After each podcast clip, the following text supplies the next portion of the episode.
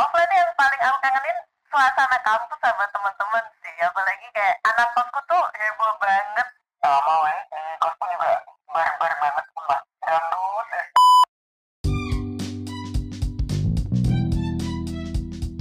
Welcome to The Journal, sebuah jurnal umum bukan buat neraca saldo, bukan buat mahasiswa, tapi buat asik-asikan aja. So stay tune untuk update berikutnya. Assalamualaikum warahmatullahi wabarakatuh. Hai, welcome back to The Journals. Akhirnya setelah lama tidak update ya teman-teman, akhirnya aku bisa take lagi. Dan setelah sibuk di podcast sebelah, akhirnya bisa balik lagi ke sini bareng aku Arum.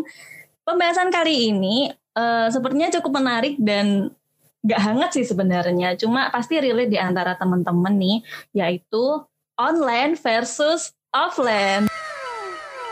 Dan di sini aku nggak sendirian, aku bareng temen aku. Sapa dulu nih, hai. Halo Arum. Kenalan dulu dong, ini siapa? Asalnya dari mana? Jomblo apa enggak? Aduh. uh, kenalin nama aku Toro, uh, temannya Arum. Bukan pacaran ya, tapi temennya. no, no, no, no. Terus aku berasal dari Pati, Jawa Tengah. Terus apa lagi, Rom? Kuliah di mana? Ya, Iya, kuliahnya aku kuliah di PKN STAN sekampus sama Arum dan pernah juga satu kelas sama Arum juga di semester 2. Wih, oh iya ya kita pernah sekelas ya. iya bener, sampai lupa ya. Iya kebayang gak sih kita tuh tiap semester bergilir gitu loh. Tapi baru kemarin sih kita setahun sekelas yang tingkat 2. Iya pas semester satu, eh, eh pas tingkat satu diacak ya per semester. Mm -mm. Nah ini kesibukannya apa aja nih sekarang Toro? Kalau untuk sekarang sih fokus ini ya kuliah. Mungkin diselingin sama bantu ini pekerjaan orang tua gitu. Di rumah itu kan ada pekerjaan gitu. Nah aku bantu-bantu lah kalau misalnya kuliahku free atau tugasnya free gitu aku bantu. Ya sebisa mungkin lah bantu gitu. Wow. Kalau untuk kuliah untuk semester ini mungkin kebanyakan mahasiswa termasuk aku juga pada sibuk ngurusin proposal ya. Jadi proposal ini dibuat untuk ngurusin KTTA. KTTA itu karya tulis tugas akhir sebagai salah satu syarat kelulusan menjadi mahasiswa PKN STAN gitu guys. Ya pasti kalau kalian agak asing dengan KTTA bisa dibilang KTTA itu skripsi mini gitu ya, mini skripsi. Kita nggak pakai sempro ya. Iya benar-benar. Jadi kalau skripsi itu kan S1 ya guys. Jadi untuk kami D3, nah itu kalau D3 itu karya tulis, karya tulis ilmiah biasanya. Tapi kalau di kampus ini nyebutnya KTTA. Iya mm, bener banget tuh. Ya kita nggak ada ucapan sembrotulation ya. Apa? Propotulation. nggak ada seminar bos. Adanya seminar kompo, weh matkul sebelah. bener bener bener. Ini udah di ACC belum proposalmu BTW? Alhamdulillah sudah. ya Allah. Baru nih barusan. Ya, Senang banget. Ya, sumpah gila iya. banget, alhamdulillah. Keren, keren, keren. Tapi tahu nggak uniknya apa? Apa? Bapaknya tuh ngirimnya itu format gambar guys. Kok bisa? Jadi proposalku itu di print yang bagian tanda tangan gitu sama bagian lembar pengesahan gitu. Nah, terus ditanda tangan manual, abis itu di foto gitu. Terus dikirim ke aku. Ya Allah. Jadi nggak digital gitu tanda tangannya. Aduh, ya ya gak apa-apa sih ya gimana ya mau gimana lagi. Sumpah, saya, saya Berasa zaman dahulu gitu ya. saya, saya, aku ngakak ya Allah.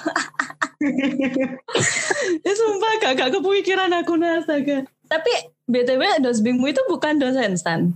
Bukan deh kayaknya. Beliau itu pegawai DJP. Kalau nggak salah ya. Hmm, ya berarti sama kayak dosbingku sih. Dosbingku juga pegawai DJP juga. Oke lanjut nih kan kayak kita udah tingkat akhir nih. Tingkat akhir sibuk KTTA terus kuliah. Sebenarnya kuliah kita tuh matkulnya agak santai sih. Cuma aku pengen nanya tuh gini. Kita kan satu setengah tahun kan offline. Terus kebetulan di mulai semester 4 ya bahkan kabar-kabarnya nih sampai kita lulus tuh bakal online gitu. Nah, Toro nih, gue tanya sama lu nih. Aduh kok pakai lu gue. Aku tanya Gak sama kamu nih. kamu tim offline apa tim online? Kalau dua-duanya bisa nggak? Kuliah offline tapi tesnya online. Gimana? Eh, iya ya enak banget kayaknya kalau ujian kita open book gitu. Iya. Iya. Soalnya walaupun misalnya jawabannya nggak ada di buku, kita bisa browsing gitu loh di Google. Iya, nggak kebayang ya kalau semester 4 kemarin, bayangin gak sih matkulnya kayak gitu. Terus kita offline, sumpah aku nggak tahu harus ngomong apa ketika mengerjakan di kelas. Iki, aku opo. Bener banget. Soalnya materinya tuh banyak banget dan karena saking banyaknya tuh kayak dikejar waktu gitu, jadi tingkat pemahamannya juga berkurang gitu menurutku ya. Mhm. Menurutmu gimana? Rum? Eh, kalau aku pribadi itu sebenarnya aku terlanjur nyaman online sih ya jujur karena aku emang suka model ujian kayak gitu gitu. Apalagi tuh meskipun online dan open book itu ya, aku pun tetap apa ya males belajar gitu loh. Aku pun nggak paham lagi kenapa aku tuh masih nggak mau belajar. Padahal sebenarnya tuh sistem sudah dipermudah kayak video pembelajaran dulu udah ada kan dan tiap kelas pasti ada recordingnya. Aku pun tetap kayak ah alah apaan sih? Aduh greget banget. Tapi aku emang lebih nyaman online sih jujur. Ya lo kan Oke. tadi milih dua-duanya nih. Nggak bisa harus Hmm. milih salah satu nih offline apa online nih? Kalau gue sih eh, offline aja deh. kenapa? Kangen nih. Ya kangen sama aku ya Eh, gimana ya? Karena aku tuh nggak bisa ini kayak belajar tuh lewat soft file, terus lewat kalau belajar lewat Zoom itu nggak bisa terlalu fokus gitu. Jadi harus Hmm. tatap muka dan kalaupun belajar pakai buku ya harus pakai secara fisik gitu. Kalau eh, kita lihat di laptop atau di HP tuh menurutku kayak kurang aja gitu loh. Jadi tingkat pemahamanku juga berkurang gitu. Ya walaupun pas offline itu eh, males belajar juga, tapi ya setidaknya tuh bisa ketemu teman-teman, terus bisa kerja sampingan juga, ketemu dosen, kemudian ya ada adalah mau curhat secara langsung kan gampang tuh sama teman-teman. Kalau misalnya kalau offline kan kayak kurang wah atau gimana gitu loh. Paham nggak yang ku maksud? kalau online maksudnya Mm-mm, kalau offline. Tadi aku ngomong online ya. enggak maksudnya kalau online tuh kayak kurang wah gitu loh kamu tadi bilangnya kalau offline tuh kayak kurang wah Oh ya salah, sorry guys. Kau santai-santai. Iya bener banget nih, apalagi kalau offline tuh yang paling aku kangenin suasana kampus sama teman-teman sih. Apalagi kayak anak kosku tuh heboh banget. Apalagi kalau ada temanku lewat tuh pasti ada teriakan dari kosku. Itu paling ngangenin banget sih. Sama weh, di kosku juga barbar banget sumpah. Dangdut, eh, kan ini apa di kosku tuh kayak kebanyakan pecinta dangdut gitu kan, termasuk aku juga. Heeh. Tiap hari tuh pasti konser dangdut. Wah itu pasti tiap hari. Kita tetanggaan kan gak sih? Kan Iya benar tetanggaan. mm, BTW kos kita tuh di Kalmong guys. Kalmong itu kalau kalian tahu Kalmong Food Court. Nah itu Toro tuh kosnya tuh di depannya kebetulan. Terus aku tuh di sebelahnya Kalmong Food Court. Jadi kayak kita sebenarnya jalan berapa langkah pun deket ya. Best moment kalau offline tuh apa aja sih? Kalau di Toro, apalagi nih kita mau lulus ya. Best moment ya, kalau best moment offline ya. Offline offline. Kalau online kayaknya susu. Tapi pasti ada. Cuma offline dulu aja deh. Kalau offline menurutku tuh best momennya tuh ya ketemu ini temen kos, terus ketemu temen sekelas gitu, terus sama ini kan ke aku dulu tuh kalau offline kan sambil kerja ya guys. Jadi ada ngajar, ada juga di ini di apa kayak bagian perfotokopian gitu. Jadi ketemu sama orang-orang yang mau ini gimana ya ngomongnya ya? Ini DLP tahu nggak? Oh, DLP. Nah itu aku dulu tuh kerja di situ. Jadi bidang marketingnya gitu Oh istilahnya. iya po. Jadi kak. Iya benar. Ya sumpah aku lagi ngerti. Dan sampai online ini sampai masih. Terus kemudian kemarin karena dia break sebentar, terus aku ganti vendor lagi. Vendornya Seven tahu nggak Seven? Tahu tahu deket kosnya itu si Arif. Nah itu aku juga kerja di situ. Hmm, hmm, hmm. Ntar dapat komisi gitu kalau misalnya uh, terjual berapa gitu, ntar aku dapat komisi gitu. Jadi yang suasana seperti itu yang membuatku tuh kangen banget gitu. Kalau di rumah kan gak ngapa-ngapain gitu, nggak ada kerjaan cuma kerjaan bantu orang tua sama belajar itu doang kan. Kalau di kalau di sana di kos itu kan bisa ngerjain apa aja yang aku mau gitu. Bisa ya, itu sibuk banget ya pasti kalau nyambi ke sana kemari tapi itu dilakukannya dengan hati senang dan ikhlas ya. Bener gak sih? Bener-bener. Aku pun dulu kalau offline itu pasti kan ada job nih di Radio Blast. Terus kangen banget ke studio. Jadi kayak itu salah satu momen yang paling aku kangen sih di gedung K. Jadi meskipun sibuk sana kemari, tapi aku pun enjoy ngerjainnya. Gitu. Sedangkan sekarang kalau online tuh jujur tugas banyak, tapi capek aja gitu kadang kayak terlalu sering di depan laptop. Terus bener kata Toro tadi, jujur aku lebih suka belajar tuh pakai buku. Makanya aku sempat beli buku di dia kan. Oh ya guys, kalau kalau kalian butuh buku beli di Toro ya sekali. Bener guys, kalau beli di aku itu harga dijamin paling murah di setan. Sekalian promo nih Pak. Sekedar cerita ya, jadi kalau di Kalmong itu ada ketentuan gitu, ketentuan di mana harga semua buku itu harus sama sekalmong. Hmm. Jadi kalau misalnya harganya ada yang lebih murah, itu kalau ketahuan bakal ini bakal dikenai sanksi sama kepala suku di situ. Hmm. Kan ada kepala sukunya. Iya. Jadi kalau lebih murah ntar dikenai sanksi hampir satu juta atau berapa gitu loh. Kalau nggak salah aku pernah lihat peraturannya gitu. Nah karena aku bagian marketing, aku jualin atas namaku. Jadi orang-orang di Kalmong tuh nggak tahu kalau aku jual ini dari buku Kalmong. Oleh karena itu aku jual dengan harga lebih murah sehingga permintaan pasar kan lebih banyak kan, lebih banyak ke aku daripada fotokopian-fotokopian di Kalmong. Hmm. Ini ano ya penerapan kurva supply and demand. Bener-bener. ya ampun matkul semester berapa? Semester satu. Oh, ya. Tapi emang keren sih. Kalau strategi marketingnya kayak gitu tuh pasti banyak yang ambil ke situ. Terus cepet lagi. Apa aku pesen kemarinnya ya misalkan itu dua hari udah nyampe loh. Iya soalnya kalau telat aku marahin. Galak tim marketingnya. Padahal bawahannya loh ya. Bawahannya malah marahin atasannya. Aduh astagfirullahaladzim. Soalnya kan itu atas namaku kan. Jadi kalau ntar pelayanannya buruk itu kan otomatis yang buruk kan bukan dia fotokopian dia tapi namaku gitu. Hmm. Kalau misalnya ada yang rusak, bukunya rusak atau cacat gitu, kan ada yang komplain tuh biasanya.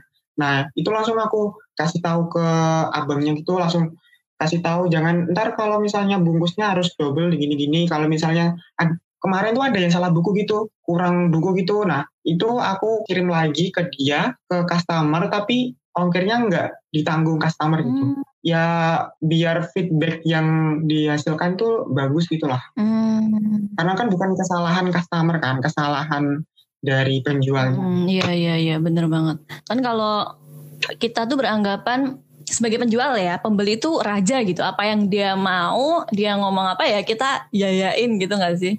Iya benar. Hmm. Nah kalau lihat nih kan kamu kan kayak masih bisa lah kayak kita tuh bantu-bantu di rumah, terus kuliah dengan saat bertugas. Nah kalau dari kamu sendiri tuh time manajemennya tuh gimana tips? Mungkin tips dari kamu biar lebih tertata hidupnya atau mungkin bisa jadi pencerahan Wah. buat aku juga sih karena aku berantakan banget time manajemennya. Aut-autan. Sebenarnya berantakan sih dulunya itu. Nah ini belajar untuk mencoba lebih tertata aja. Jadi ya aku biasain setiap hari itu belajar. Mm-hmm. Mau itu 15 menit, mau setengah jam, ataupun dua jam gitu, aku pasti belajar. Karena aku bukan tipe yang SKS, dan bukan tipe yang kayak deadliner gitu. Oleh karenanya aku harus nyicil dari awal. Biasanya kalau nyicil itu aku mulai minggu kedua gitu. Minggu kedua perkuliahan. Nah belajarnya itu biasanya ya review ini materi sebelumnya sama belajar sekilas untuk materi yang akan dipelajari gitu. Mm. Itu biasanya kalau aku belajar itu pas malam sama pagi. Karena Hmm. uh, menurutku lebih efektif pada waktu pagi dan pada waktu malam. Itu tergantung ke uh, pribadi masing-masing ya.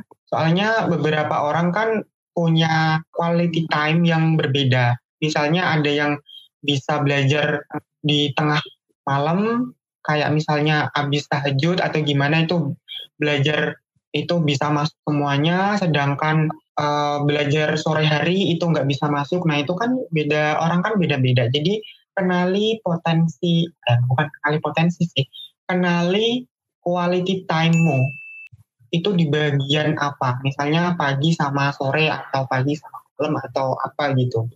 Kalau untuk kerja sih ya uh, ya kerja kan sesuai jadwal kerja ya.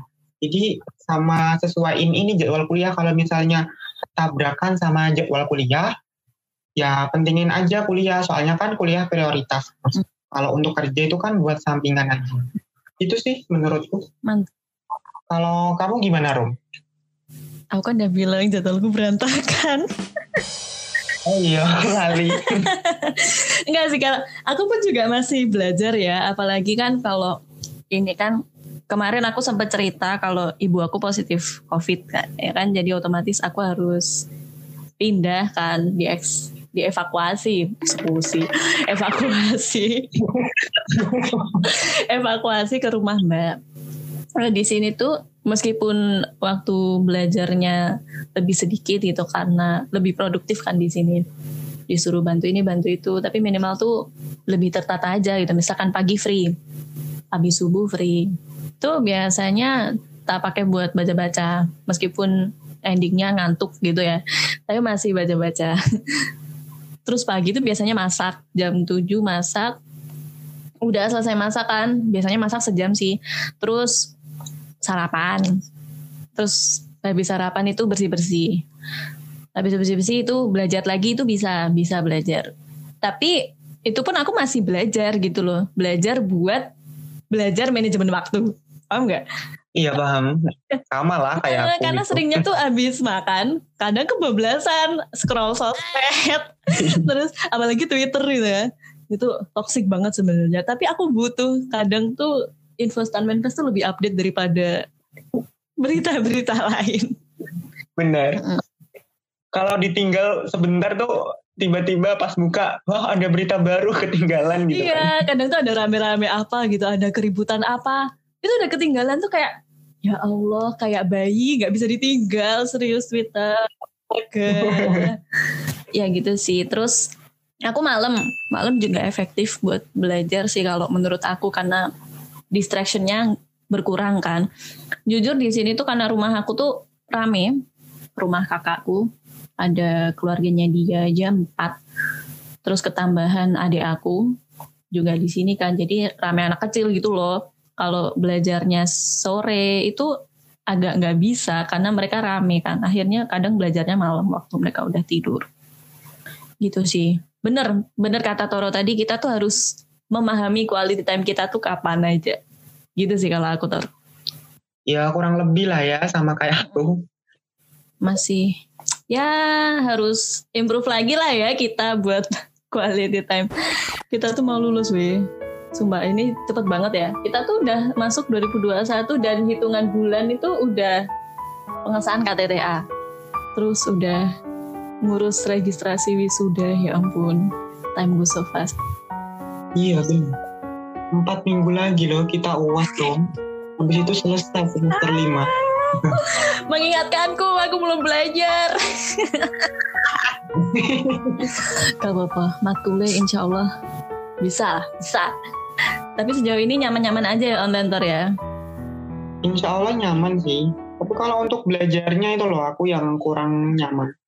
Kalau untuk misalnya kayak adaptasi, kayak uh, dapat teman baru atau gimana kayak perkuliahannya itu bisa lah adaptasi. Kalau untuk belajar, nah itu aku kurang bisa sih kalau untuk sistem belajarnya itu. Hmm, ya, ya, ya.